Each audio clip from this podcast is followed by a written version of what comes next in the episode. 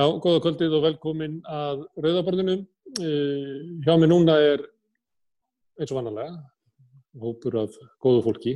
Hérna sittja hjá mér Mikael Torfarsson, reytöfundur sem er reyndar í, í, í Vín. Andrés Ingi Jónsson, þingmaður sem er einhver stór á höfuborgarsöðinu. Anna Kristín Blöndal Jóhannesdóttir sem er líka á höfuborgarsöðinu. Marja Telma Smáradóttir leikona sem líka á höfuborgarsöðinu og Ásker Brynjar Torfarsson sem er núna hátt upp í borgarfyrði. Við ætlum að ræða svona ástandmála í þessu samfélagi okkar á fyrstu dögum djúbrar kreppu sem að vist að vera dýbri heldur en við séð í 130 ár, saði Alþjóðabankin um daginn. Hvað þá úrskuruð það að við verum að fara inn í slíka tíma sem er tími sem að afar ykkar og ömmur muni ekki eins og. Það er svo langt séðan sem að fara í slíka kreppu. En það er ímyndilegt annað í gangi í samfélaginu og við ætlum nú bara að fara svona yfir vettung dagsins eins og er sagt í einhverjum öðru þætti. Við erum kannski að byrja að því að við erum með uh, hjúgrunarkonu í settinu. Anna, þú ert uh, hjúgrunarfræðing, fyrir ekki, hjúgrunarfræðing. Þú ert hérna á leið í verkvall, samkvæmt uh, samþygt ja, mikils meiri luta félagsmanna. Heldur byrður, já. já. Hérna, þetta er svo búið svo laung kjaradila, hérna, þegar við erum að lausa samninga mjög lengi og, og mm. verður til að gefa okkur aðeins svona söguna baku þetta. Söguna baku við... Hvenna byrjaði þessi kjaradila? Að... Þessi kjaradila, ég held að samningarna okkar hafa náttúrulega verið lausir sko formulega í, í rúmta ár. En það var náttúrulega settur gerðardómur á okkur hann fyrir uh, sex árum eða hvað það var sko. Já. Þannig að kjarabaráttan er í rauninu búin að vera í sexi ár. Um, og það er enn lengra síðan að þið samþyktu síðast kjarasamlingar. Já, já, já, já, ég maður ekki eins og hvað það er nátt sko. En hérna, þetta er búið að vera ansi langu tími þar sem við höfum ekki, hérna, við höfum ekki verið virtar viðlits eða virt viðlits. Mm. Hvað veldur? Hvað eru þið svona frekar eða er ríkið svona? Það er náttúrulega opastlega frekar stjórnsamar. Hæ? Nei, alls ekki. Ég veit svo sem ekkert hérna um, hvaða er sem veldur að maður hefði svarið því. Það var nú lengur búið að leysa þetta.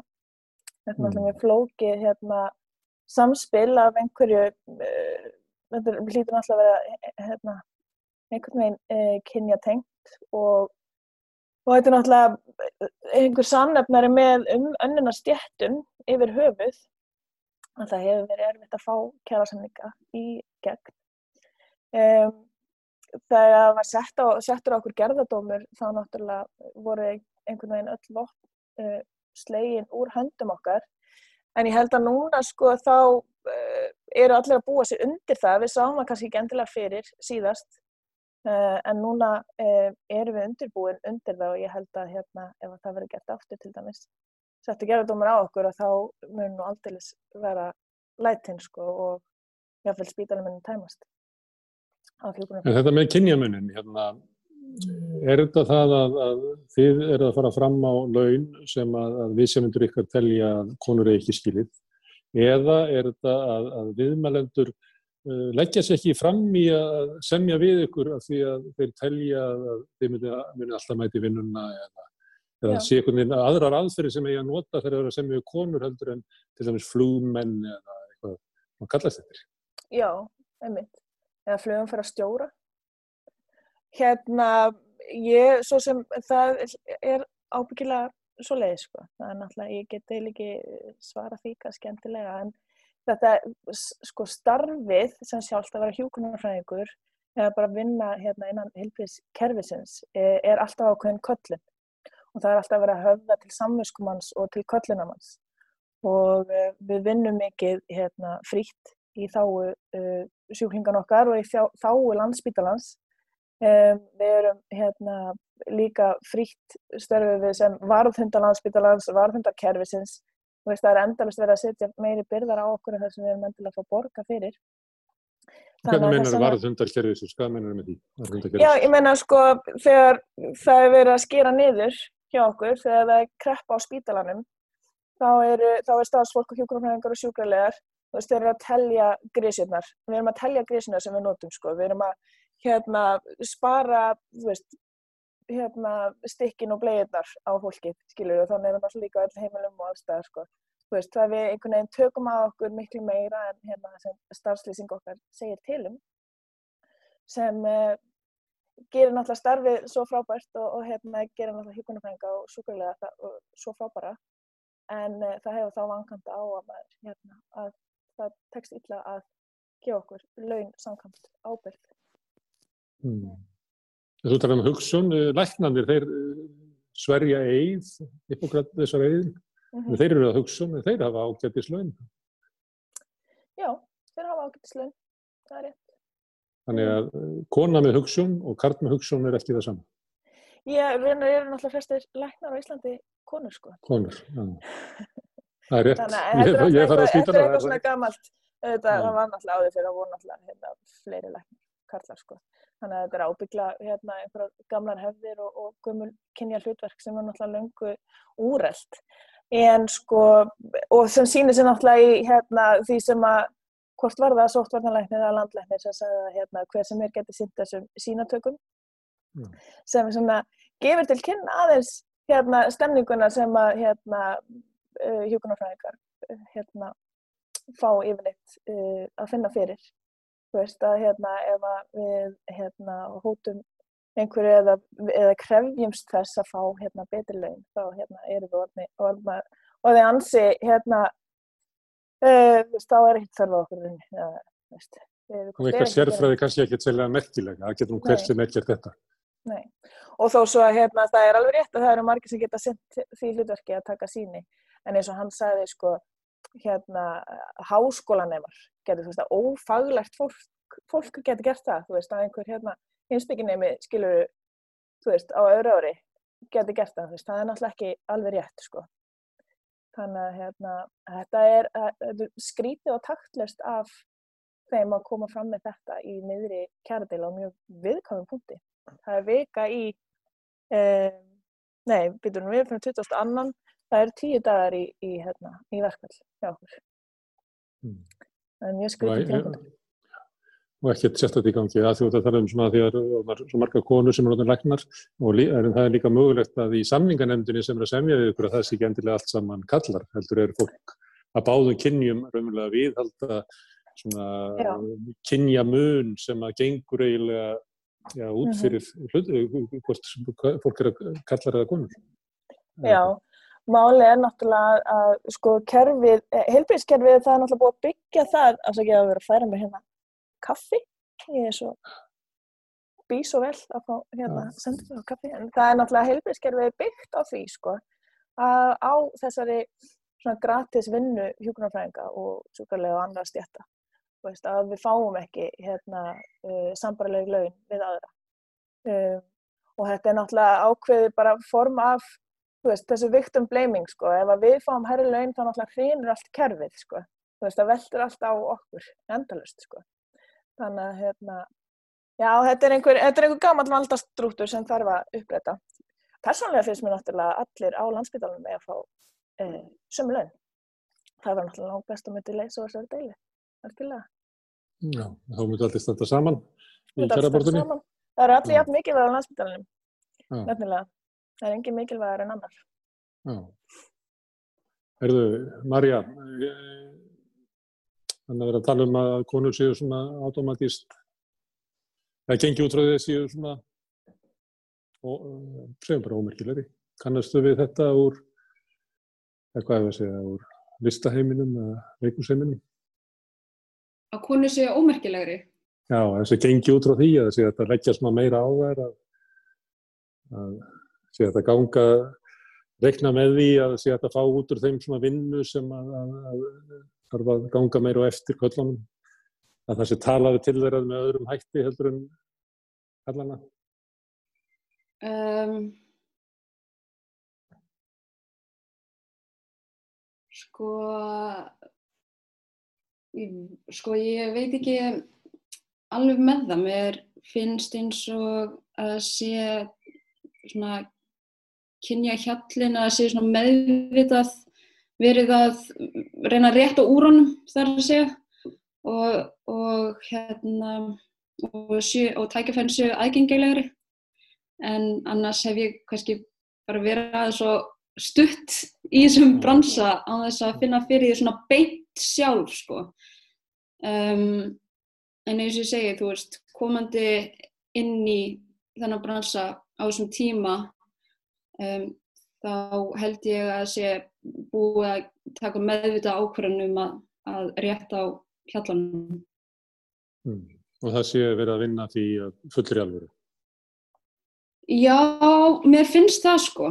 Um, maður sér það alveg upp í leikúsunum og líka um, í, hérna, í kvikmyndageranum sko, að, að það sé meðvitað verið að leita að leikstur konum og handreit eftir konur, sögur um konur og svo framvegs um, og það er breyting sem að hefur ekki átt sér stað meðvitað fyrir núna til dæmis, þannig að hérna, með umræðinni og hérna með því að hafa þetta í huga þá finnst mér, já, það hafa breyst og hérna ég held að komandi tíma séu mjög bjartir og þetta var þar.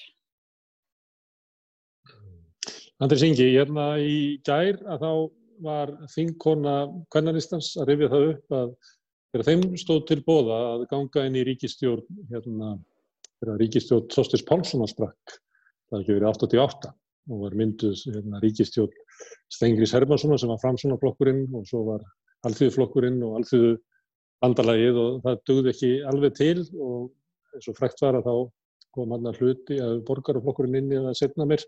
Þetta var uh, ríkistjórn sem var eiginlega, ég ætla að fara út í það og svo hálf logið inn, það var talað um að vera ykkur stuðningur, ykkur höldumanna til þess að búa til en það var mikið leita til kvennaristans til þess að koma með, að vera með. Og það var svona, stemmingin var svo hérna, nú, já, nú verður þið að koma með og taka þátt og ekki vera gaggrína svona hlýðalínunni og það er sögðu, ok, við gerum bara eina kröfu, það er að, við hækkum laun kvennastéttana og þá sögðu kallarni, nei, það gengur ekki og byggu til þess að sko sögu um að það væri ykkur huldumenn sem að hérna, er að redda þessu, hefur undir redda þessu. Þetta var 1988 og ennþá erum við að, að tala um þetta sama um hérna halla á, á kannastettina þessu skildir eftir að meiri sig að, að hérna hefur komið fram að, að sko, viðröðuna sjálfar eru í öðrum farfi heldur en ef þetta væri rótgróin kallastett. Hvað er að, Anders Ingi? Já, þetta er náttúrulega alveg óskiljanlegt. Sko.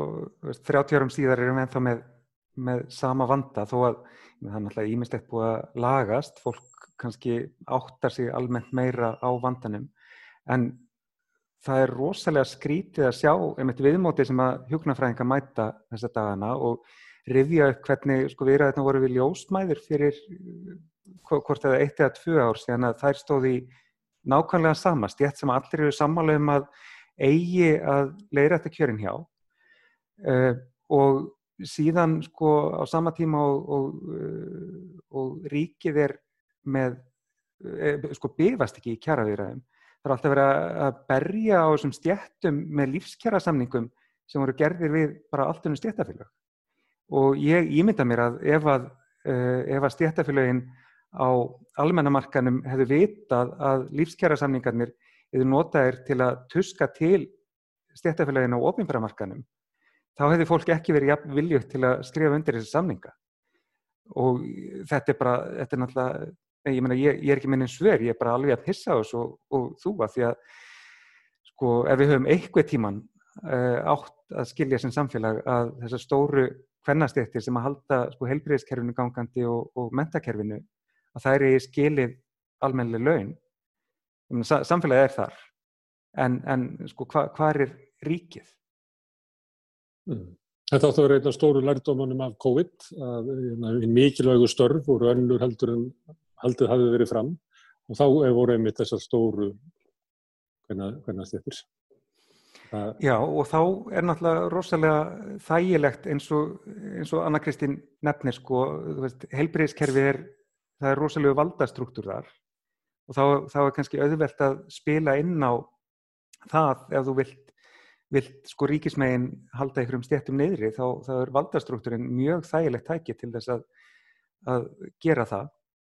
Og ég menna við sáum það til dæmis bara hérna á þingi í fyrra þegar við vorum að afgreða pínlítið eh, frumvarpum að leifa hjóknarfræðingum og ljósmaðurum að skrifa upp á hormónagetnaðavarnir, eitthvað sem að sko læknar hafa gert að forminu til uh, af því að um, sko það eru, eru hjúknarfræðingar og ljósmaðir sem að tala við konurnar og segja síðan við læknin, heyrðu þú þarf að hérna kvitt upp á pilluna fyrir hana. Uh, þá allt í hennu risu upp sko, ekkert allir læknar en, en svona á, ákveðin hópur innan stjættarinn sem var bara já sko ljósmaður og hjúknarfræðingar, þetta er nú óðalega klárt fólk og vel mentað en sko þetta er ekki læknar að það nú, að það nú hérna, átt að segja á því að ábyrðin sem læknar bera er meiri en ábyrðin sem, sem hjúknarfræðingar og ljósmaður bera og þegar maður sér þetta þá, þá, þá er mjög auðvelt að skilja hvernig hvernig eh, segja, kjara bara þetta getur flækst í svona kerfi Mm -hmm. Mm. Mikael, hvað segir þú um þetta? Hérna, hérna, það er eitt sem að því að við rifjum upp hérna ljósmæraverkvallið, þá var það rosalega skemmtilegt verkvall og maður veldiði fyrir sér sko að því að þegar að viðsefnandin eiginlega talar ekki við þig, þá er þetta eiginlega rakin í það að vera með svona svona einhverja nýjung í barndaförunum. Þetta er mjög skemmtilegt verkvall sem að naut alveg sko fáheið stuðnings meðal almennings en það breytti ekki miklu held ég í viðsamundum. Mikael.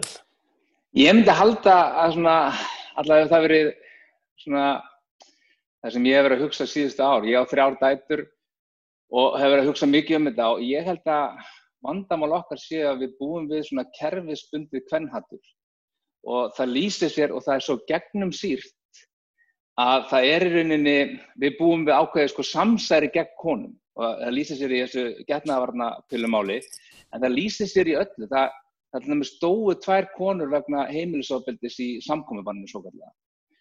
Ok, hæsti, þingsti dómur sem að hæstiréttur hefur kveðið upp í, í hérna morði, þá drap hérna, þá banaði karlmaður fyrirverandi kærasta kærastu sinni og hann fekk 20 ára fangilsi og þetta er þingsti dómur sem að fallið hefur í hæstarétti. 20 ára fangilsi. Ef hann hefði bara drefið kærastunum sína, fyrirverandi, þá hefði hann aldrei fengið 20 ára fangilsi. Hefði, þá hefði það verið ástriðuglæpur. Af því að það þykir að einhverju leiti miklu betra að drepa konu heldur en karl. Þannig að þetta er svo, þetta er svo stort vandamál og ég þegar ég var bladamær þá var maður að skrifa fréttir þar sem að það var verið að dæma karlmann fyrir að bana konunum sinni í nýju ára fangilsi. Og þetta morð sem ég er að segja frá hann að 20 ára fangilsi var ekkert hérna, meira brútal. Þó, heldur en önnum morð, það þótti bara svo, heldur en morð á konum almennt. En það þótti svo óbúslega brútal að drepa fyrirverandi, drepa hérna, fyrirverandi kærasta kærastu sinnar. Það þótti bara allt annars eðlis. Það er sama eins og það þykir allt annars eðlis að semja við flugumbröðstjóra eða eða hérna, flugmenn og hjúgrunafræðingar eru hefðbundin kvennastjætt og ég, ég held að við, mettur, við hérna, gengum í gegnum hérna, mikla bylgu eftir MeToo og, og hérna, vorum hugsuðu um margt og það tengdi sko einmitt leikonum og, og, hérna, og listafólki og tengdi svona hérna, líka þeirri stjætt sem ég tilir sko, sem er listafólkið.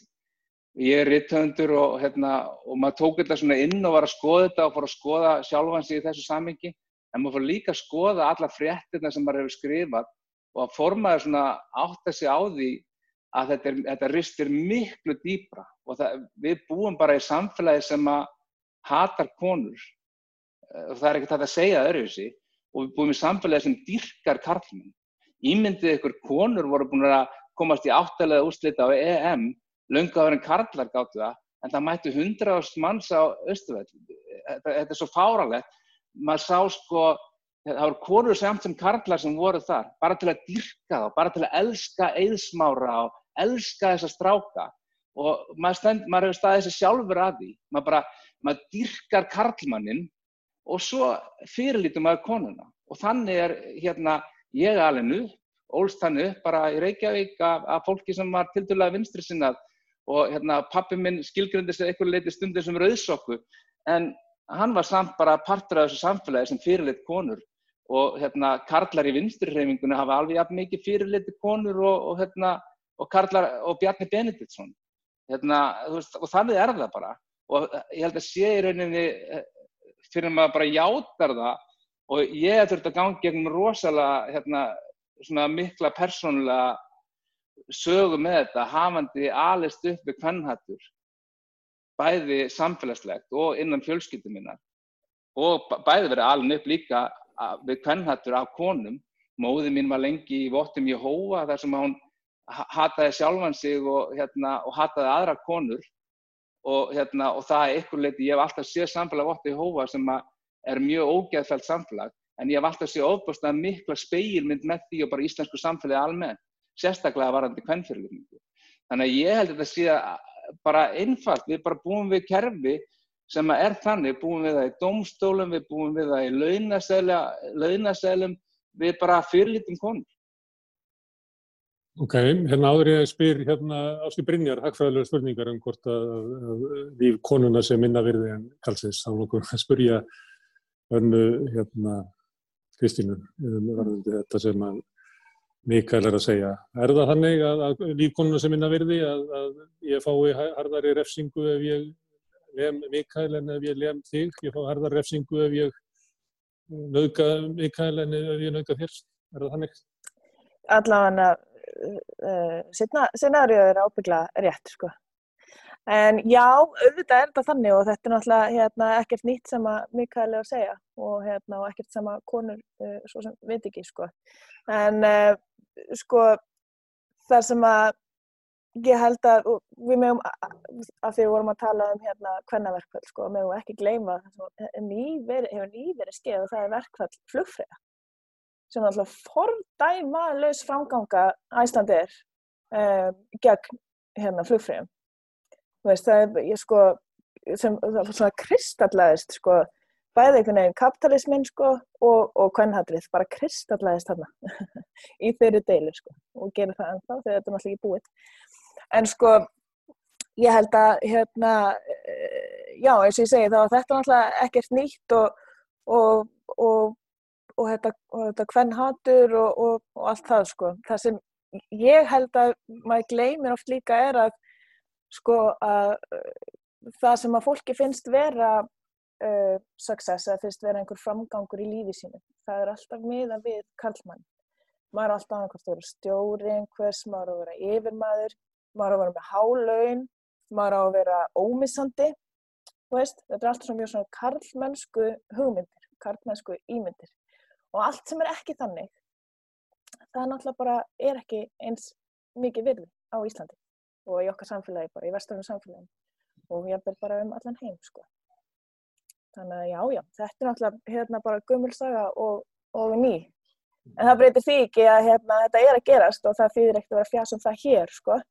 en hérna en uh, ég held að sko það er náttúrulega á ábyrð fjöl, fjölmjöla því að Mikael þú varst að segja að þú varst nú einu sinni fréttamaður og svona sko. Það er náttúrulega ábyrð fjölmjöla að sko hérna breyta orðræðinni, passa hvernig þið fjallaðum hluti og vera ekki að, að eins og vísir er að, að byrta núna með þetta hérna sínatöku mál, þú veist og hvernig vísir hérna fjallaðum líka um uh, flugfröðu uh, hérna uh, hérna viðræðinar og allt það veist, þetta er náttúrulega ábyrg fjölmiðlar sko, hvernig fjallaðir um þetta og hvernig það er perpetuitað í í, hérna, í samfélaginu.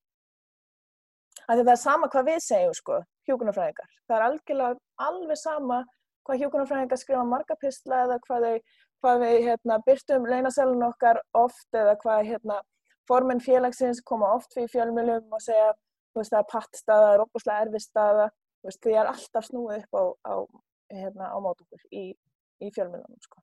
Það sé ykkur að kenna. Það er alltaf okkur að kenna. Djús frekjur. Mm.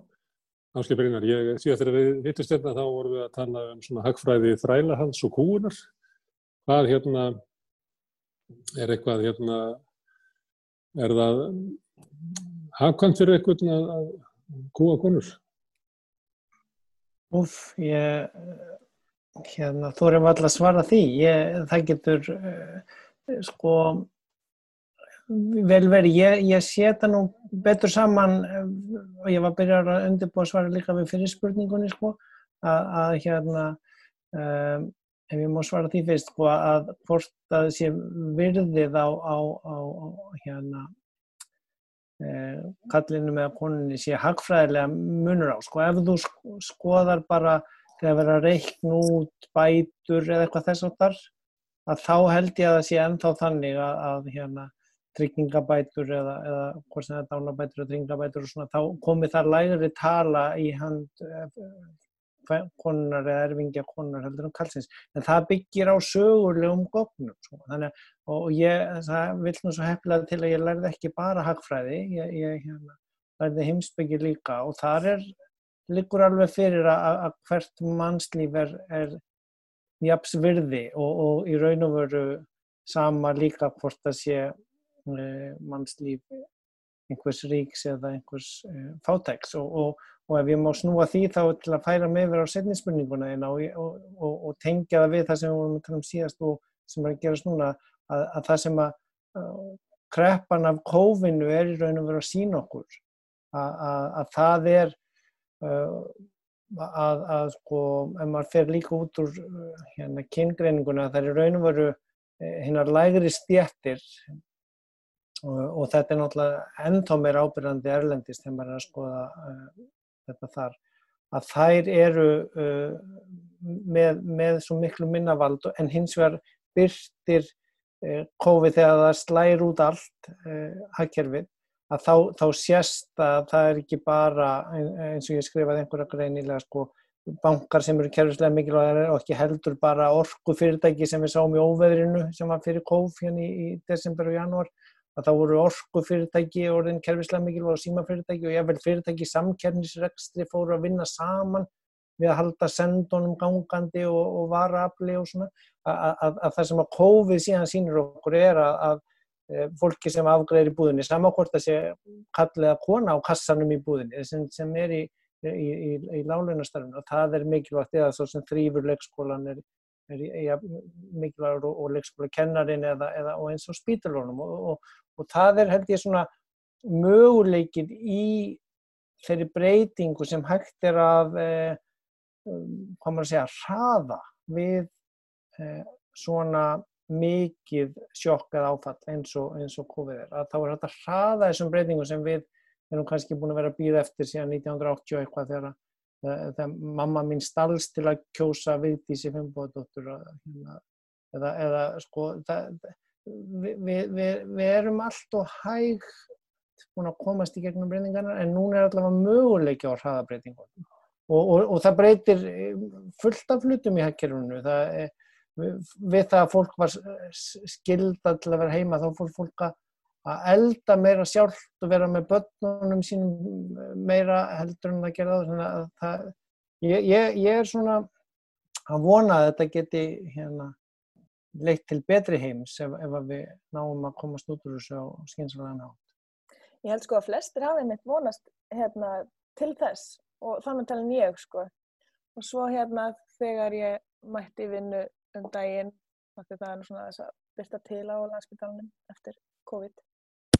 Að þá hérna og ég sagt, vinn á, á deild en ég fyrir líka svona og ég skoða fundi og, og, og, og svona á sinni nefndastöfum en þá er komið svo mikið krepp á landsbytalanum og það er verið að skera svo mikið niður. Þannig að það er verið að skera niður sagt, fjármagn til hérna ég konar þróunar starfa innan, innan spítalans sem, er náttúrulega mjög nöðslega til að hérna, venda gæðamál og, og alls konar sko.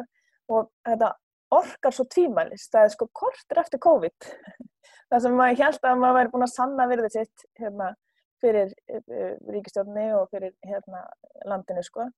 Um, og það er ekki verið að semja við okkur. Þetta orkar svo ofbúslega tvímælist. Og ég fór að hugsa þetta sko að mikið er skrítið að það sé alltaf verið að tala um, sko alltaf verið að heikslast á hvað landsbytalinni er og heilbíðiskerfið sé sérstaklega landsbytalinn er rekin í sko í hérna í tapi eins og það sé alltaf viðmiði sko að það er að reka allt með hagnaði. Og hver á að fá hagnaði? Veist, við tilbyrjum að fá bónus veist, að, veist, af hverju er verið alltaf að miða uh, helbriðiskerfið og landsbytalan við sko eitthvað svona business model? Uh, bara, af hverju á að reka landsbytalan eins og IKEA?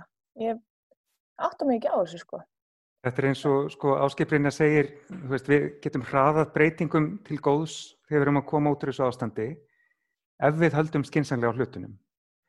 Og sko, þessi viðbröð spítalans að fara að rifa seglinn eru bara það sem er að gerast hjá flestum ríkistofnunum held ég. Það er verið að sko, undirbúa útbúð á ræstingum hér og þar og mötunetti annar staðar að því að alla stofnarnir vita að eðlislegt fyrstu viðbröðin hjá fjármálrar á þeirra er að skera niður á sama tíma og hann mögulega jústir eitthvað á tekjulegin en aðal viðbröðin eru og hafa alltaf verið að, að sko draga úr útgjöldum. Og það náttúrulega núna eru bara gjör vittlaus viðbröð, sérstaklega sko hjá þessum uh, geirum samfélagsins sem eru búin að sína sig að eru sko algjörlega lífsnausinleir til að við komumst í gegnum einhver áföll. En og það, og, það, og það er eitthvað sem við sjáum kannski bara í haust sko hvort að hérna, fjármálur á þeirra lætu verða af einhverju svoleiðis vittlesu og hvort að spítalinn þarf í alvöru að, að hérna, fara að uh, draga saman reksturinn. En hann er byrjar á því að uh, Anna var að segja það, bara byrjað. Já, ég menna hann, hann, en síðan, síðan sínir fjármálur á þeirra kannski á spilin og þú veist, ef hann, ef hann sé ljósið þá getur spítalinn verið að bakka með þetta og, en hérna, ég ætla ekki að vera brjálæðislega bjassið. En fjármálaráður er ábygglega á samskonar sumfundi akkurat núna með sko, hérna, sínum skoðanarsískinum og talar um nákvæmlega sama áskipinni og nú sé, hérna, nú sé aldeilistímin að, að, hérna, að hérna, gera það sem hann langar til og, og bæta samfélagið sem samkvæmt honum er náttúrulega engavæða e, landsbyttan. Þannig að það er náttúrulega, það verður náttúrulega fjársvelt okkur fyrst sko, áður en hægt er að, engavæða. Þannig að ég held að það er svona ábyggilega hérna, það sem er að vaka fyrir þeim sko. Ég, ég ætla alls ekki að blanda mér inn í umræðuna um, um óbyrnbær fjármál á Íslandi. Eins og ég hef sagt þér áður smári, þá er ég í fjármálaráðinu og get ekki talað um það e, sérstaklega óbyrnbær fjármálun en það er hægt að segja aftur að bara nákvæmlega út frá því sem er að gerast út um allan heim og alltjóðlega að e, e, COVID sýnir okkur að heilbriðiskerfið er ekki bara kostnarliður. Helbriðiskerfið er að færa okkur uh, ábata, ef, ef að fólk vil nota viðskiptafræði hugtökinum að það sé einhver hagnaður, sem ábatin af þeim rekstri er sá að við gáttum viða um lönd allavega barið niður hérna, kurvuna af síkingunum án þess að, að sprengja kerfið og við, og við gáttum uh, unni buð á veirunni með því að heilbreyðskerfið fekk uh, að starfa og það er hagnaðurinn okkar að hérna uh, og, og, og auðvitað hérna hafa tapast mjög mörg líf við um heim. Uh, við vorum mjög heppin hér á landi og dúlega, einhvers konar sambland af því. En, en, en, en það er sko alveg sama, ég vann í, í stjórnun á háskóla hérna áður en ég fór í dóttorsnámið með Páli skóla sinni þegar hann var rektor og, og alveg sama hvort maður talar um spítala eða háskóla eða annars konar þess áttar ofinbærastofnarnir þá er mjög mikil miskilningur falin í því að halda það sé hægt að reka ofinbærastofnarnir eh, eins og fyrirtæki. Þa, það er í raun og veru og það er marg búið að sína þetta fram á þetta sem var kallað New Public Management fyrir mjög mörgum áratugum. Eh, að nýskipan í, í ríkisræksti held ég að vera kallað á íslensku. Að það er í raun og veru mótel sem er lungu búið að renna sitt skeið og, og getur verið hreinlega stór hættulegt. Maður getur endað uppi með það eiga bara miklaða veirudeild upp á efstu hæði í einhverju húsi sem er að hraunni komið að því að engum fannst það spennandi og enginn vildi eða peninga í því og ef það hefði ekki verið til enga fyrirtæki á þeirri litlu eigju að þá hefði kannski bara ekki verið hægt að prófa veirurnar og að því að við mhm. vorum búin að spara svo mikið í e, miklunni efst í, undir ónýta þækinu á e, það sem einhver lítill veirufræðingur var að reyna að gera. Eitthvað starf. Mm. En, en áskipirinn, þetta er ekki úröldar en svo að þetta er bara, þetta er stefna sem er reygin á Íslandi, þannig að hún er ekki úröld á Íslandi, það getur verið á þessu úröld eitthvað stöður annar staðar en hún er bara í fullu gildi á Íslandi. Já, Já, já ég, ég er, er bara Þú mátt ekki tjá þig um það. vísa í hvað er að gerast út í heimi. Það er umræðan alveg augljós á þeim. eh, Það, það, Mm. COVID er búið að sína okkur það. Þau lönd það sem að var ekki búið að hagræða e, e, hagræða innan gæslappa í botni helbriðskjörnu, Tískaland og þeir sem höfðu umfram hérna, e, e, getu af því að það er ekki e, tap eða, eða, eða endilega slæmt að hafa umfram getu ef maður ætlar að vera viðbúinn hérna, óvæntum atbyrðum. Ítalja var með fleiri öndunarvilar heldur en Svíþjóð. Svíþjóð var komið lengra í að hagraði sínu kerfi. Þannig, þetta er það sem að COVID er bara búið að sína okkur. Og, Búin að afhjópa. Já. Já, herðu, Marja Telma, mér langar aðeins að varandi hérna, hvað áhrif COVID hefur svona á, á hugmyndur okkar. Það er svolítið verið að tala hér um hérna, me- meiri stuðning við bætt kjör kvennastéttana. Svo að það mæti sömu hörkun eh, hjá ríkinu að þá eh, ég held að sé ekkert vafamál um það að nýtur meiri stuðnings út í samfélaginu. Eh, Bandaríkin loga núna út af hérna, anstöðu við rasisma. Gríðarlega miklu breyðar í samfélking í bandaríkjunum um að gera eitthvað rótakt til þess að losa, losa sig samfélagi út úr þessu ástandi, losa hérna allra kúust undan kúunum. Svo bylgja hefur einhver leiti komið hinga til Íslands, það er meira rætt hér um rasisma á Íslandi, meira rætt um hvernig fólk af innflytjendur og fólk af erlendu bergi er svona undisett. Við erum stundum að tala með þessi í þættum það hvernig svona slæm, slæmir atbyrðir geta stundum leitt í góðs en stundum til þess vera. Hefur þú vonum það að, að, að svona, ég get líka bætt stjættaskiptingun inn í þetta sem hefur komið fram núna til dæmis í talinu um, um framlinu fólk sem er að raða í hillur í búðum og fleira sem var fólk sem hefur ekki verið umræðin í, já ég bara ekki sem, ég menna ég hefur verið á til, að það eru komnir sérstaklega undirsett og kúaður eru meira í umræðinu núna. Er þetta eitthvað svona, er þetta eitthvað sem við munum bara jafn okkur á og fara í sama gamla farið aftur? Eða er von í þessu um að, að eitthvað munir breytast? Já, góð spurning. Þetta er náttúrulega alveg gríðarlegt mál veist, og flókið. Veist, þetta er nokkur hundruð ára kerfisbundin rasismi sem að hérna, bandaríkjaman og fólk annar staðar hafa búið við. Um, umræðin hefur fæst hinga til Íslands blessunarlega af því að við erum á sama tíma að horfa í okkar einn barm. Þú veist, um, samaber MeToo-byltingin. Þetta er ég veit ekki hvort það sé bara ég að því að þetta stendur mér svo ótrúlega nærri en mér persónulega líður eins og þetta sé önnur bylgja, sama bylgja og hérna þegar að MeToo-byltingin fór í gang. Þetta er svona það að vera að uppræta eitthvað sem er svo ótrúlega ingrófið og aldrei talað um í okkar samfélagi til dæmis.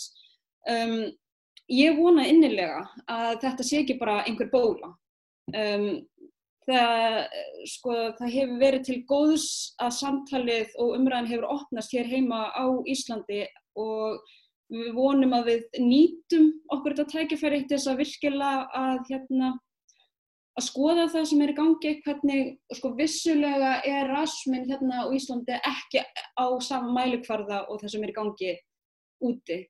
Um, það er ekki jafn ingrófið og hérna og ekki jafn kerfislegt og ekki jafn sögulegt hérna, sem betur fer. Uh, en samt, sem lítil þjóð, þá trúi ég því að það þarf kannski ekki jafn mikið og er hérna, að gerast núna úti. Um, og að því vorum að tala um hvaða ábyrð fjölmiðlar hafa þegar eitthvað svona kemur upp á og ég hef tekið eftir því sko, þau hafa líka gríðarlega mikla ábyrð. Uh, ég tók eftir því í fréttanum daginn þar sem að hérna, mótmælundunum var líst sem óerðar fólk eða óerðar hérna, einstaklingar. Málið er að þetta er ekkert óerðar fólk, þetta er bara óbreyttir borgarbúar sem eru búin að búa í kerfisbundnu rasisma í mörg hundru ár, skiluru, og þetta er ekki bara svartir, heldur er þetta bara allir þjóðfélagstegnar. Og, og síðan kemur spurningin hérna, og byrju, er þetta mín barátta? Þetta er okkar barátta einfallega af því okkur er ekki sama um hvort annað. Um, þannig að, og sem dæmi sko, ef við komum aftur að því hvernig fjölmiðlar fjalla um þetta málefni, til dæmis, að þeir núna nýlega skrifaði semarla grein um hérna, að náðist þetta myndband af Pétur Jóhanni vera að hérna, leika asísku konu og hann var að sína svona kynferðslega tilburði að því að það helst í handir við staðal ímynda asískra kvenna. Það, það hérna- náðist ekki upp, það þeir bara tókut upp, drenginir. Já, já, já, þeir bara þeir tóku voru þetta að- upp, náðast að Þeir voru myndbandi alveg gríðarlega og, hérna, og hún hérna, var bara ljósa á þetta málefni og segir að þetta sé ekki í lagi. Uh, fjölmiðlar taka ofan á þessu og snúa þessu upp í að hún sé hérna, hérna pyrraða feministin sem að hérna, má ekkert segja, skilur og þetta sama munstur að koma upp aftur. Þegar MeToo-byltingin kom um, þá vorum við að tala um að ákveðin hlutur væri ekki í lægi en ákveðin framkoma. Og þá sagði fólk, "Bíddu, hvað má ekkert lengur, skiljið og hérna, og það er bara nákvæmlega sama munstur, þetta má ekkert lengur, þú veist, má ég ekki lengur hérna draga úr lífi hérna innflytenda eða hérna litaðara hérna einstaklinga í samfélaginu. Um, og ég ger mig grein fyrir því að við sem störfum í sviðslistum, höfundar, hérna kvikmyndagerða fólk, við spilum og hérna við erum akkurat með verkfærin í handunum til þess að halda þessari umræðu gangandi. Um, með því akkurat að þetta er það sem við erum að fást við, þú veist, við erum að fást við það að segja sögur. Við getum haldið áfram að segja sögur hérna, af hérna, fólki af erlendum uppruna eða hvað það er, við hérna, tökum þátt í því hvernig við vörpum fram hérna, litum einstaklingum, hvað sem það er á sviði eða í sjónvarpi.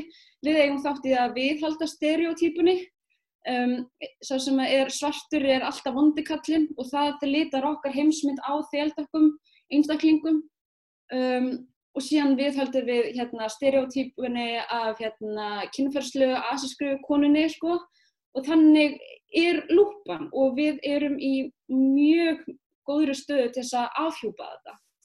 Og með því að auka sínileikan á fjölbreytileika á svið og í kvikmyndum það býður upp á samtalið um rasisma. Að þegar í þögninni þar ríkir rasismin uh, allt sem við þekkjum ekki, kunnum ekki, skiljum ekki það er, það grasserar allt saman í þögninni. Þannig að hérna ég vona bara innilega að uh, okkar geiri takk ekki bakslag að því við erum á góðri ferð myndi ég segja að við förum og að við nýtum okkar stöðu til góðs til þess að reyna að brúa beili En eins og að kannski er hægt að líka rasismann í Íslandi við rasismann í Bandaríkjuru sem hann er djúft og ristir, hérna, ristir bara fólk á hól, fólk sem að ber gríðalega klafa af rasismann þar, gerði spilum rasismanni kynsluðu saman. Að þá er náttúrulega orðræðan og ansvarið miklu þroskara þar. mm.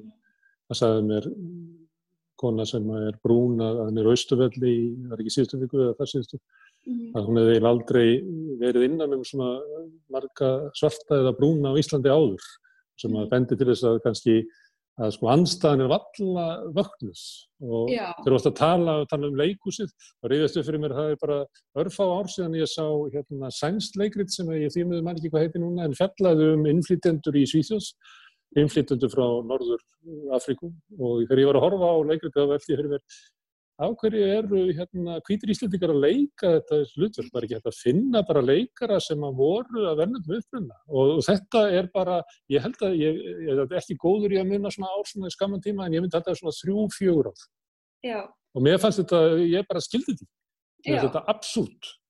Já, algjörlega. Ég, hérna, ég er sammálaðar og hérna, ef ég var að vera alveg hinskilin þá líður mér persónlega eins og ég sé í þrefaldri baróttu. Um, þú veist, það er baróttan fyrir að vera að kona og þurfa að segja allt fimm sinnum svo maður sé tekinn alvarlega, þú veist, og hérna, og það er baróttan að fá að leika hlutverk af því ég er litið og síðan er það baróttan að sanna það að ég sé nógu íslensk til þess að leika nógu íslensk hlutverk, þú veist, þetta er alveg svona. En svarið við því af hverju það er ekki hérna litaðir eða erlendir leikarar látni leika hlutverkin hérna á Íslandi, það er, er rauninu mjög einfalt svar. Það við erum einfallega bara það fá. hérna að því að þú veist, þegar þú sækir um, um listnámið þá þarftu auðvitað að standast hérna, intökupröfunar og svo framvegis og við erum tvær sem erum blandaðir sem að hafa útskrafast hérna frá listaháskólanum og svo hafa einhverju farið út Erlendis og komið heim og svo framvegis. Eh, þannig að við erum nokkur. Uh, og síðan er það hérna að þetta er allt saman bara ákverðun hjá þeim sem að er að ráða inn, þú veist, þetta er ákverðun hvaða nálguð þú vilt fara með leikhúsið, þú veist, það er alveg gríðarlegt að sína fram á fjölbreytileika einfallega út af því að þannig liggur landslagi okkar, þú veist, það er fjölmenning á Íslandi og við erum alls konar, um, þannig að eh, um leið og einhver ákveður að sína ekki fjölbreytileika, það er það líka sama tíma ákverðin um að hafa bara hvitt kast, nei, Mm. hvitt kast segi ég. Já, kvítkast. Já. Um, já, já, og hérna, þannig að já, það er stutt að svarið við spurningunni. Ok, herðu, Mikael, þú lístir í áðan hvernig er að alast upp í samfélagi sem að hattar konur og það er ekkert að alast upp í slíku samfélagi á þess að hatta konur og svo þarf þetta að skrúa ofan að því og setja tíma æfinar. Svo volst líka upp í samfélagi sem að rasist, sem að óttaðist svartamannin, uh, fyrirleitt allt fólk sem ekki ja, var eins og Snæfjörður Íslandsson og Armi Arneus, eða eitthvað, einhver ídeal hugmyndum hvernig Íslandi greiði vera, ég veit ekki núna á þeirra. Uh, heldur að fólk átti sig á þessu, hvað, hérna, að, að rasismin, vandamál okkar umgættir rasisma er að kannski að stóruleiti rasismi sem við berum með okkur. Ég, ég veit ekki eflust átt að sem margir á þessu. Ég, ég áttaði mig fyrst á þessu hérna, þegar ég var úlingur og var alveg óbúðslegur aðdáðandi hérna, rapptónlistar og hlustaði mikið á það. Og hérna, þá uppgöndaði ég líka að, að mér segja, þú veist, pappi minn heitinn, skilju, hann var æðislegur og hefði jafnvel líka haft gaman að þessari diskussjónu og svona, en, en þá uppgöndaði ég bara, þú veist, um leið hvað, hvað maður bæði hefði alveg, ég var úlingur og var í upplýst gegn hérna, honum og hlustaði bara á, hérna, á rattónlist og, og þá fór mér sjálfum svona að sárna, hérna, pappi gætt sagt svona rosalega rasíska brandara sem þóttu ógulega fyndnir í hérna, mínum fjölskyldubóðum sem voru hérna, hérna, sem að jú, jú, Pétur Jóhann og hérna, Björn Bræði getur notað okkur stand, stand-upi sko, hérna, í dag kannski ennþá, þannig að það er ekki allir alveg búin að átta að sjá þessu. En þetta voru, hérna, þetta hefur alveg verið svona pínu, þetta var alveg þá alveg svona pínu sjokkarendi og ég mana, hérna, eins og allir sem, eða svo svona margir sem fættist eins og ég 1974 og maður er 6 ára árið 1980 og, hérna, og maður er úlingur í kringu 1990 og hérna hafi fyrir utan hérna, hérna nokkra vietnamska innflytjendur sem við hérna pyntuðum til að hérna, kúðum til að til að skipta jafnvel um nafn, þannig að við myndum ekki heita sínum nöfnum frá sínum menningu af því að það móðgaði einhvern veginn okkar íslensku og, og maður var með all batterið í því.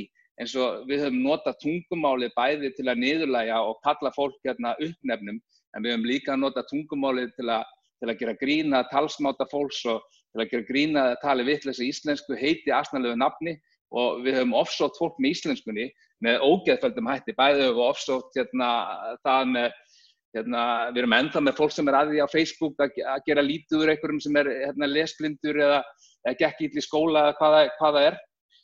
Og, og þetta var alveg, hérna, það var alveg svona, svifti svona alveg hulun af þessu ég, og ég man eftir einum strák sem að, hérna, var svartur, hérna, sem að, hérna, fyrst, hérna, sem að bjó þegar ég var úlingur í, hérna, næsta hverfi við mig.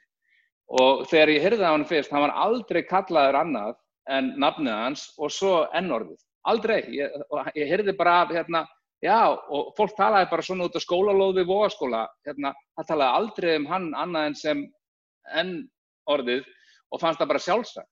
Og, og, hérna, og svo kynntist ég hann um að hann var mikill vinnu minn, en þetta er bara, að því að við vorum gegn sósa í þessu, við byggum bara við hérna, kerfis í tungumálinu okkar.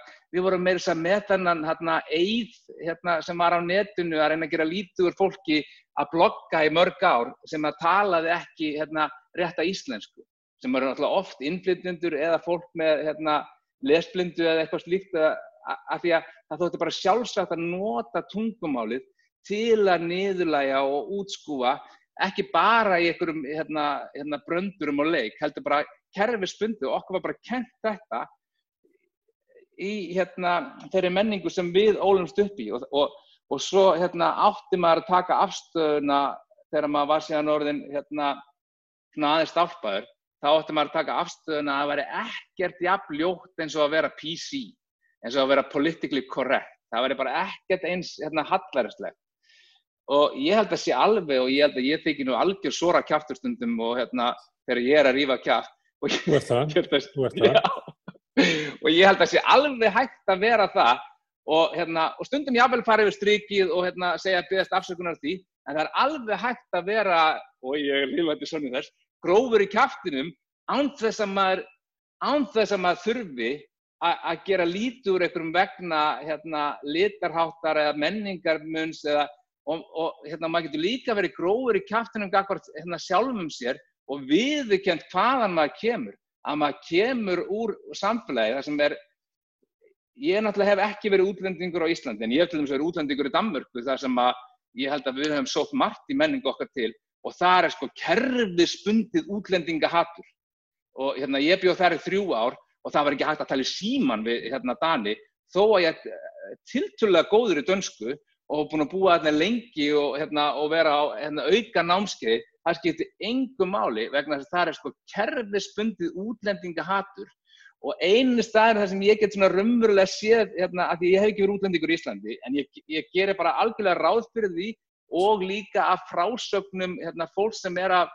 erlendu bergi eða er litað á Íslandi þá, og, og ég trúi þeim frásögnum og það er hljóma trúverulega þá, hérna, en ég á mjög auðvelt með að setja mig í spór sko hvennana í mínu lífi sem er Íslandi, þannig að ég skil hérna þú veist, að ég á ekki þessa reynslu á Íslandi en ég á mikla reynslu með, hérna, með hvennhattur á Íslandi og ég held að útlendinga andunum sé svipa og maður ólst bara upp við þetta og, og maður getur ekki breytt fordómum sínum fyrir maður að segja bara já, þaðan kem ég. Ég kem úr, úr hérna tveimur supremacyum á Íslandi. Ég kem úr fyrirbæri sem heitir hérna, white supremacy. Það sem að, hérna, og síðan kem ég úr fyrirbæri sem heitir male supremacy. Og ég er sko, ef það er einhver maður sem hefur grætt á male supremacy á Íslandi, þá er það ég. Ég kem hérna upp sem réttöfundur með svona working class bakgrunn og hérna, óbúslega voru dónalögur. Ef ég hef verið kona, ég hef aldrei orðið hérna, hérna, riðstjóri djefa fyrir, fyrir þrítugt og hérna, frægur riðtöfundur í Íslandi, 23 ára, elskaður og dáður af öllum ka miðaldra karlmönnum sem einu sinni hafði verið reyður ungir menn.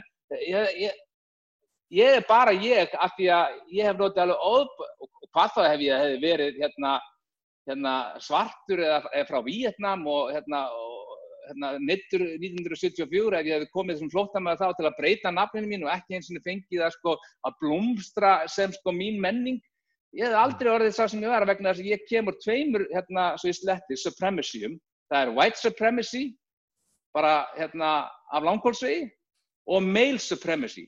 Og male supremacy er, er hérna, held ég, svona átengt því sem við köllum white supremacy.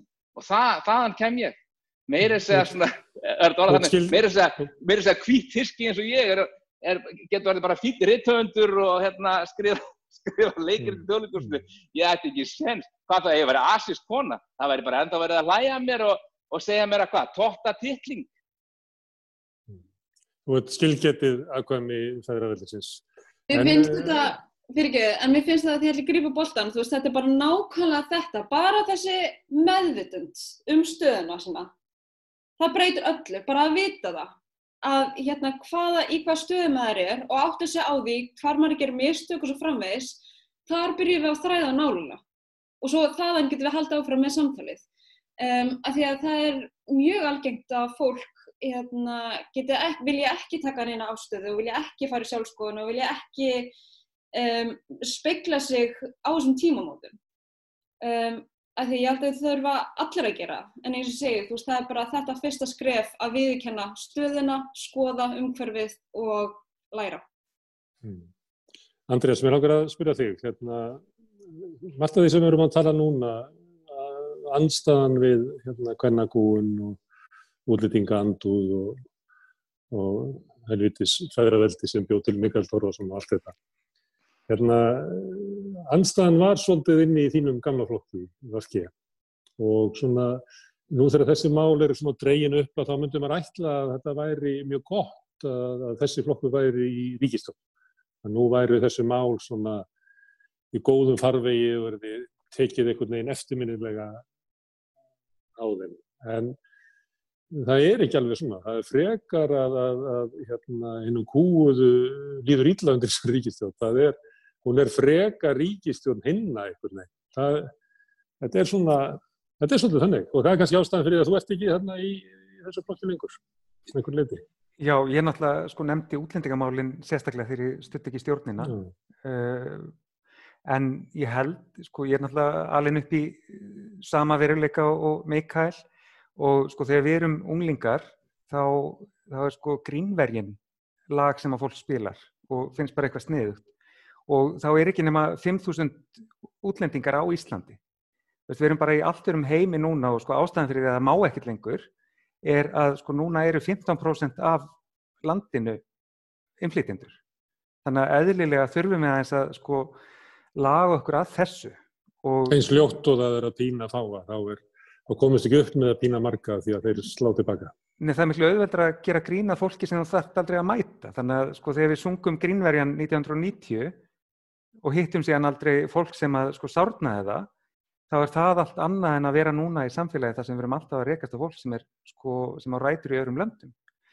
Uh, en fyrir vikið erum við komin miklu stittra á veg í útlendingamálunum heldur en jafnbreytsmálunum af því að landið hefur alltaf verið sko, helmingur konur en, en sko, samt erum við ekki komin lengra en þetta.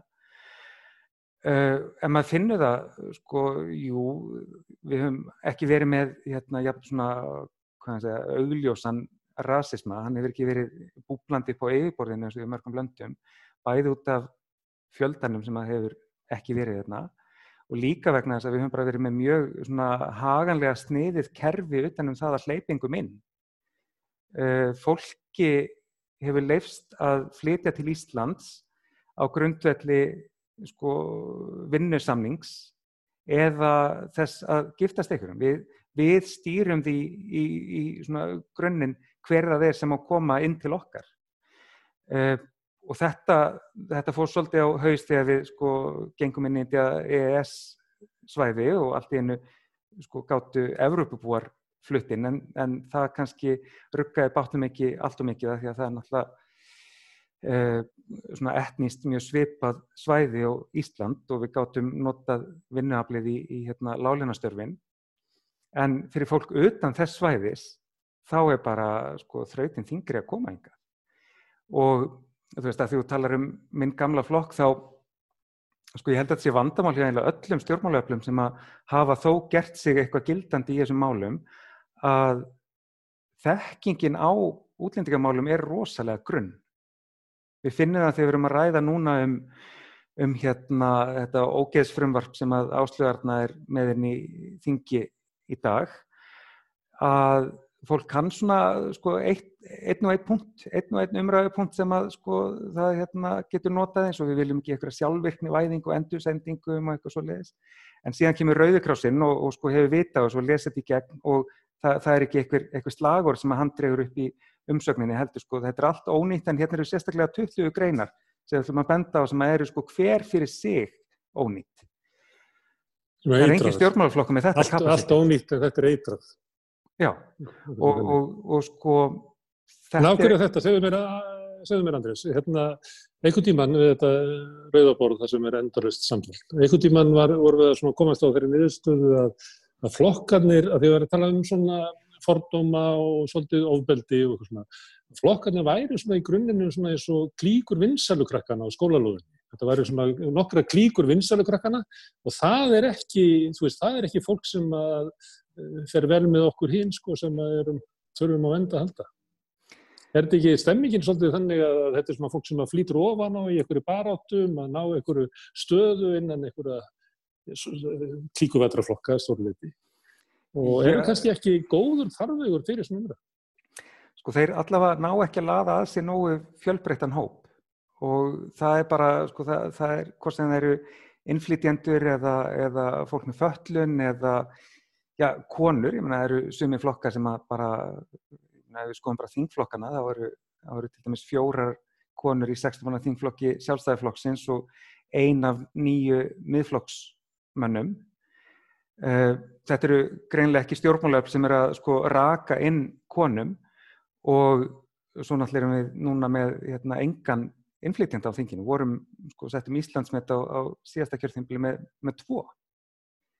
Uh, en þetta er bara, hvað hefum að kalla þetta, þetta er svona nýliðuna vandamál í öllum stjórnmálflokkum. Uh, það, er, það vantar ungt fólk, það vantar fólk með fjölbreyttari bakgrunn, við erum með stjórnmálaflokka sem einhverja hluta vegna laða bara til sín svona daldið staðaltýpur sem að, að hérna, fyrir vikið þrengja alla sín. Og það er náttúrulega bara til lengdar stór hættulegt því að við viljum fara að sko, breyta samfélaginu að ykkur alvöru. Hmm. Það er, ég veit ekki hvort að það verið að reikna með því að kannski ráðherra vafki kæmu niður á Östuvöll þarna þegar mótmæli væru eða myndu vísa til vísa til þessi umræðu að, að þetta hefði verið mótmæli, hefði gert þarna. Já, en þú veist, það er náttúrulega alltaf tvíbent áslöðarna mætti og fólk hérna fór nú að gera aldrei grína því að, að hún væri þarna Hmm. að sína stöðning eh, málaflokki sem að hún síðan sem, sem er kannski ekki að standa sér nóg vel í. Ég nefndi vafki sko, sem að, að ætti að, að, að taldi sig vera eh, svona farveg fyrir anspyrnu við þessa útlokun og kúun hérna í aðarsettra hópa. Já, ég, svo sem ég hef ekki tölaði hverju voru þarna og hverju voru ekki en, en sko þú veist, kannski var þetta líð allt saman þarna og bara sko mér finnst líka Þess að alveg þess að nefndi ég að það verið nefndi í þetta í framhaldsumræðinni. Þetta er náttúrulega innleggi umræðinu að það mæta 5.000 manns á Östuvöll og ef þú stjórnmálamæður og þú ert eiginlega fást við það hvað er það sem líðurinn vill í líðræðisríki að þá er erfitt bara að horfast framjá það eins og það sé bara eitt lestabrif eftir eitthvað klikkaðan kall í, stangstinum. Sko. Það er meira tekið mark á því heldur en að það bara Östuvöldu fyllist af fólki sem er raunverulega að krefjast einhverjar breytingar og einhverjar hlustunar. Já, fyllist líka af allt erum hópi en við erum vöna að sjá. Nú er ég búin að vera hérna við Östuvöll í hverjantalum þrjú ár og búin að sjá nokkuð mörg mótmæli og þetta er, þetta er oft aldrei svona usual suspects. maður er svona að kannast við fólki sem kemur á mótmæla. Þessi hópur var ekki bara miklu stærri, hann var miklu fjölbreytari. Hann var miklu yngri heldur en við erum vöna að sjá. Og það er þetta, eh, sko, það er ángjafis sem við höfum séð sko í öllum, öllum hérna, öllum byltingar guðsunum sem við fengið yfir okkur, sko MeToo og, og hérna bara allt, allt sem að sko unga fólki hefur að gera sem að hefur aldrei fundið farvegi í sko formlegu flokkana það allt í hennu mætti alveg unnvörpum á Östuvöll og þú veist, við þurfum bara, bara einhvern veginn að hérna, eh, fá það til að hafa áhrif sko innan hús líka, ekki bara út á grasinu. Já, hérna, uh, Anna, þú veit, uh, þú tekið þátt í mótmælum. Það var svolítið talað um að eftir þessi mótmæli að það hefði verið miklu yngra fólk á, á, á vellinu og Mhm. eitthvað svona miðaldra fólk sagði sko að unga fólki hefði ekki verið að við vorum á mótmæli þessu.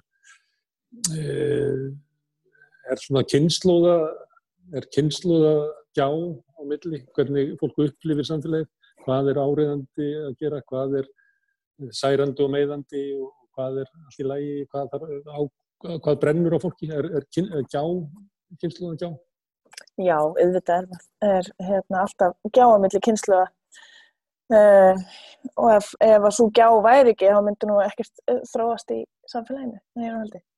En það sem ég fannst áhugavert sko við hérna, þessi BLM mótmæli uh, neyri bæði, þau voru frábær og þau voru skipulöð af hérna, uh, fólki sem að hérna, málefni snerti beint, sagt hérna, svörtum Amerikunum. Um, um, en sko þessi mótmæli voru til að sína hérna Black Lives Matter og þessu fólki sagt, samstöðu. Um, sko það sem að mér fannst vanta þarna, ekki frá, absolutt ekki frá hérna, hendi skipulegjandana, heldur bara svona það sem ég upplöði í hérna hópnum sem var mættur hérna viðstöðli, var að það var ekki verið að setja sko samansammerki á milli e, þessara baráttu og kannski hérna baráttu e, hælisleinunda á Íslandi til dæmis. Veist, þetta er það sama, þetta eru sömu fólkdómar, þetta er sama kerfi sem er að halda e, þessu fólki niðri en það er einhvern veginn, það vantar sko, samansammerkið á milli í huga fólks Þess, nú vinn ég mikið með hælslendum og, og, hérna, og, og hef verið involverið í alls konar baráttumál tengt því og nú síðast hérna, tanngreiningum uh, sem gerða voru á Háskóli Íslands og hérna, uh, það er einhvern veginn, það er eins og sko að hælisleitundur þeir eru sko, þeir eru leggstir uh, í virðingarstega í huga allra veist, hvort sem maður til þess að vera sko hérna e, jafnveitisina og, og fordómálisann eða veist hvað sem er, þá eru hælislendur alltaf þeir síðustu til þess að hérna að vera hérna að þeim sem gefum gauðum sko. Um, það fannst mér svolítið vant að þetta voru æðislega mótmæli og bara frábært mm. og hérna um, en mér fannst það Það kemur náttúrulega, það er þetta hælisleitundunar og flottafólk, þá kemur þannig ný vitt eins og það er að eitt er að vera útlætingur og eitt er að vera kona og. Og eitt er að vera fátakur en svo þegar það kemur sko fullkomið bjargarleysi flóttafólksins þá verður til sko alveg sérstakki fordómar sem að kannski útlendingar almennt hérna, kannast ekki við. Þegar hérna, útlendingur sem er í algjörlega bjargarlaus þetta verður kallað til þess að skilgreina munin á því að það sé ekki mhm. endilega sko aukin rasismi, heldur bætist þar við það sem hefur verið kallað aborofóbia sem er mhm. sko fyrirlitning á fátækt og bergarleysi sem að mhm. bætist ofan á því að, að þú sett kona eða útlend eða fátækt og fullkominn bergarleysi að þá magnast upp þannig að, að hópurinn uh, samfélagi sé kannski til í að gefa útlendingum uh, sess en þá flottar fólki skilja eftir. Mm -hmm. Þetta, ég, ég sá þessi tilhörn til þess að útgjörða svona. Sko. Já, ég vil reyna að meina, sko, já, þetta er hérna, svo sem ábygglega rétt hjá þið, sko, en ég vil reyna að meina að, að sko, það sem að, hérna, einkennir hóphælisleitanda er að það er alls, það eru óbúslega margar jáðarsetningar sem að skarast í því að vera flóttamöður að vera hælslendi, eins og þú segir, þú veist, maður er ekki bara af öðrum, hérna, húðilitt, maður er á annar menningu, maður talar ekki tungumálið, maður er fátækur og svo framvegis og svo framvegis. Það eru brúslega mikið sem skarast. En þetta fólk er absolutt ekki sko bjargalist. Það hefur náttúrulega komið sér til Íslands frá sko hérna, í, hérna ótrúlegum króka leiðin sko. Nei, ég var ekki að meina að það væri nei, sko, til að bjarga sér. Það er bara staðan þeirra er sko það að þau eigi ekki húsnæði, eigi ekki fyrir mat, e, eigi ekki passport, eigi ekki neitt sko. Það eru í fullkomlega, fullkomlega svona vulnerable stöðum. Já, algjörlega. Já, þau eru gerðsamlega eins í aðasett og held ég hægt er að vera uh, í samfélaginu sko. Og það er náttúrulega hérna, samfélagið uh, sem er að í aðasett þau eru sko einan gerðslega bjargalus af því að við gerum þau, við sláum hérna öll vopnur úr hérna hendið þeirra þegar við koma til hansins. Já. Og nú náttúrulega nýverið er þessi viðbjóðslegi fasesta bíl, hennar áslega rautni, sem að ég sko ég missi svefni verið á hverju nóttu ef ég er ekki á nætuvakt, það var að segja.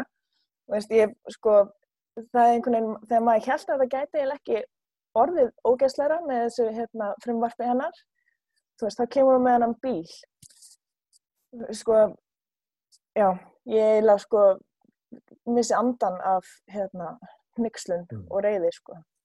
Það eru ágæta fólk. Hérna, ég er alveg búin að vissa alveg stjórnáðu sem þættir eru svo skemmtilegt og svo margt ávart sem að vera að segja.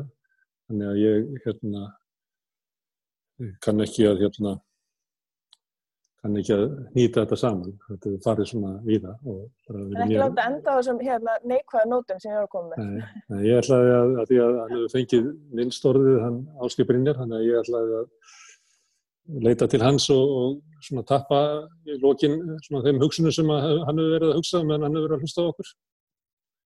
Já, það er, það er erfitt að koma inn í þetta kannski. Ég, ég held að, ég held að uh, þetta ánum við held ég á mörgum stegum sko. Það, það er jáfnvel hægt að tengja þetta einhvern veginn við, við mismunandi skoðanir fólks líka þannig að ég vilja fara að tala um frettir dagsins eða fyrirvunandi kollega mína en, en, en sko ég held að ef ég tengið aftur við COVID í heiminum sko að það sem að það sem við vorum að tala um síðast, svona jáðsendingu, ég held að það sama við áttum við til dæmis um atvinnuleysa á Íslandi í undanfarn ára og tíu, að því það við höfum verið svo heppin að það hefur bara verið 1-2% atvinnuleysi og þannig höfum við til dæmis getað skilið eftir hérna uh, mjög lágar atvinnuleysintryggingar sem er hægt að lifa af. Sko. Nú, núna síðan gerist það að, að, að við erum að fara að sjá fram á gífurlega mikið atvinnuleysi í, í haust ef að ekki kemur einhver kvalreiki á okkar strandur eða mikil hefni eins og við komum út úr síðustu kreppum.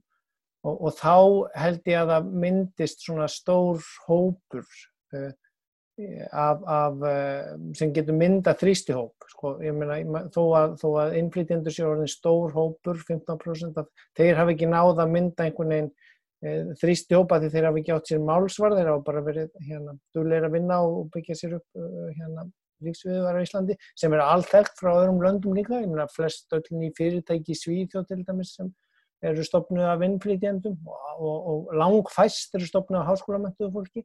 Og þetta er, þetta er það sem maður þarf að fara að takast á við núna. Og ef að, ef að, e, e, ef að það er að síðan að fara að koma mjög, mjög stór hópur fólki sem hafði ágændisvinnur og er að fara að verða aðtunnulegst þá, þá er möguleiki að þarna verði breytinga líka. En, en þetta er náttúrulega komið inn á því politiska sviði sem ég vil ekki snert en það eru kostningar á næsta ári þannig að það hlýtur að vera hérna, um þetta sem að politíkin á að snúast og hvort að menn eigi að hafa í þessu landi skoðanafrelsi og með að viðra þær hvort menn eigi að hafa atvinnufrelsi e, e, e, e og, og, og hérna, akademisfrelsi eða hvort að það eigi að vera ákvarðað af einhverjum tilteknum hópum sem eru með völd, hvað, hvað eigi og megi. Mm. Andri Tíki, það er nefnt kostningar, heldur það að verði kostningar á næsta ári eða getur ekki bara verið kosið í, í haust? Hvað, hefur eitthvað tilfinningu fyrir því? Ég held að sé nú frekar eh, sko, stert límið á melli stjórnarflokkuna þannig að það er nú eitthvað mikið að gerast til að þeir hætti saman fyrir eða þurfa. En að því að Áskil Brynni var eiginlega vitna í það sem að, að viðbröð Bjarnar Benedís við, það, við því að Róði Gilvarsson fekk risturastöðu í norrænu hagtímariti hagfræðinga. Að þá sagði hann einhvern tíman sko, að það veri mikilvægt að gera svona aðgeri sem að þyrti til þess að komast í gegnum sko, skablin. Þetta var á því tíma þegar ríkistöðni leitt svo á að að þetta er því kannski skammind, að kannski í haust þá væri komin að skýra línur og þá er eðlilegt að mæta kjósundum og bjóða upp á mismunandi leiðir hvað svona samfélagi að byggja upp. Þá fannst mér vera svona tótni í honum að hann var alveg til í að kjósa bara í haust. Já, nei ég veit ekki, ég, hérna, hann alltaf get, geti verið eitthvað hérna pér taktik hjá honum að, að stökka í það þá en þá væri hann að eh, hætta snemma á hvað þriðja kjörtímbilin í röð og ég held að það sé eitthvað sem að, að hérna, hinn hin, hérna, miklu kjölfestuflokkur, sjálfstæðiflokkurinn geti ekki, sko, það, það, það verður aldrei tungu bakki að bera. Mikael, heldur þú að það skiptir máli hvort það verður kosið í haustu á næsta ári eða hvort það verður kosið? Heldur að, er þú einn af þessu sem segir að það sé sami rassin undir þeim öllum og við fáum alltaf bara sömu ráðamenninnar yfir okkur?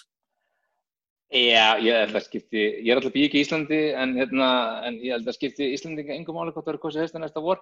En ég myndi halda að fólk, hérna, eða fer sem horfir að verði óbúrslega mikið atvinnuleysi og, og, og, og það sé eitthvað svona millistjætt, eitthvað svona duglega millistjættur ferðartjónustu og eitthvað sem til er að læra stjættum sem verður orðin helviti blankir í september, oktober og november og svo koma desember og og þá kemur einhver helvitis hakkari og hakka sig inn á eitthvað og stilur einhvernum gögnum og, og helgi selja nefna einhvernum sjómanstætti og, og svo verður bara kosið í janúar af því alltaf þegar það er hakkað einhver starf, þegar einhver hakkar eitthvað kemst inn í eh, bókaldið á sjálfstæðisflokki, kemst inn í mun finna reik, eh, Panama reikning Stengriðs og Sigfússonar í, í einhverju tölvu sem að glemdist á klósetti í Vesturbæðalauginni og allt það er hakkað einhvers þar, þá kemur hak, einhver hakkari fyrir inn á vefsíðu samherja og finnur alla tölvupostana og, og það verður allt farið og, og þannig vitum við að þetta er vegna þess að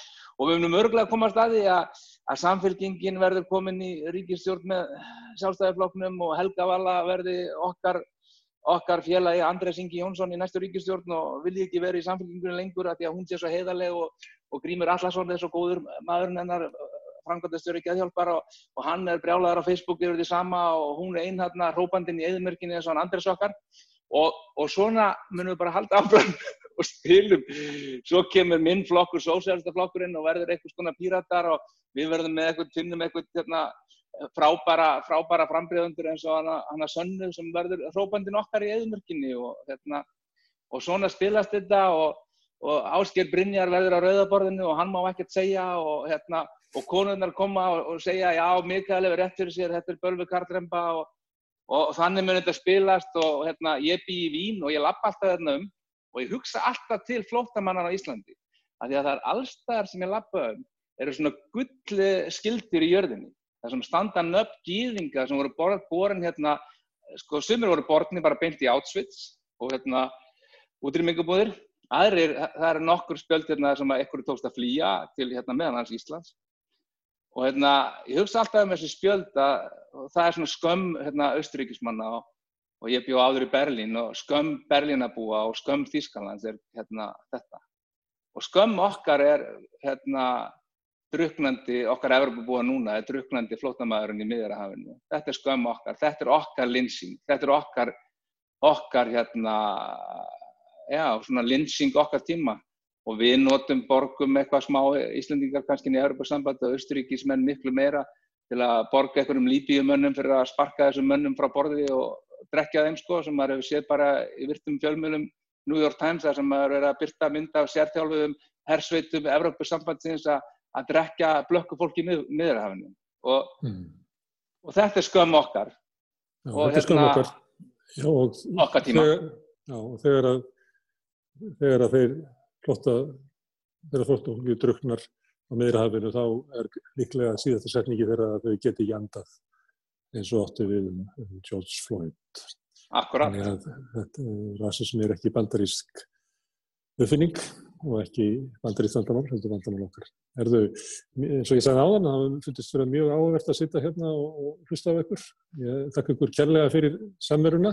Mikael Torfarsson, Andrés Ingi Jónsson, Anna Kristín Blöndal Jóhannesdóttir, Marja Telma Smáradóttir og Ásker Brynjar Torfarsson. Takk ykkur kærlega fyrir. Og hlustendu þakka ég fyrir að, að, að hlusta.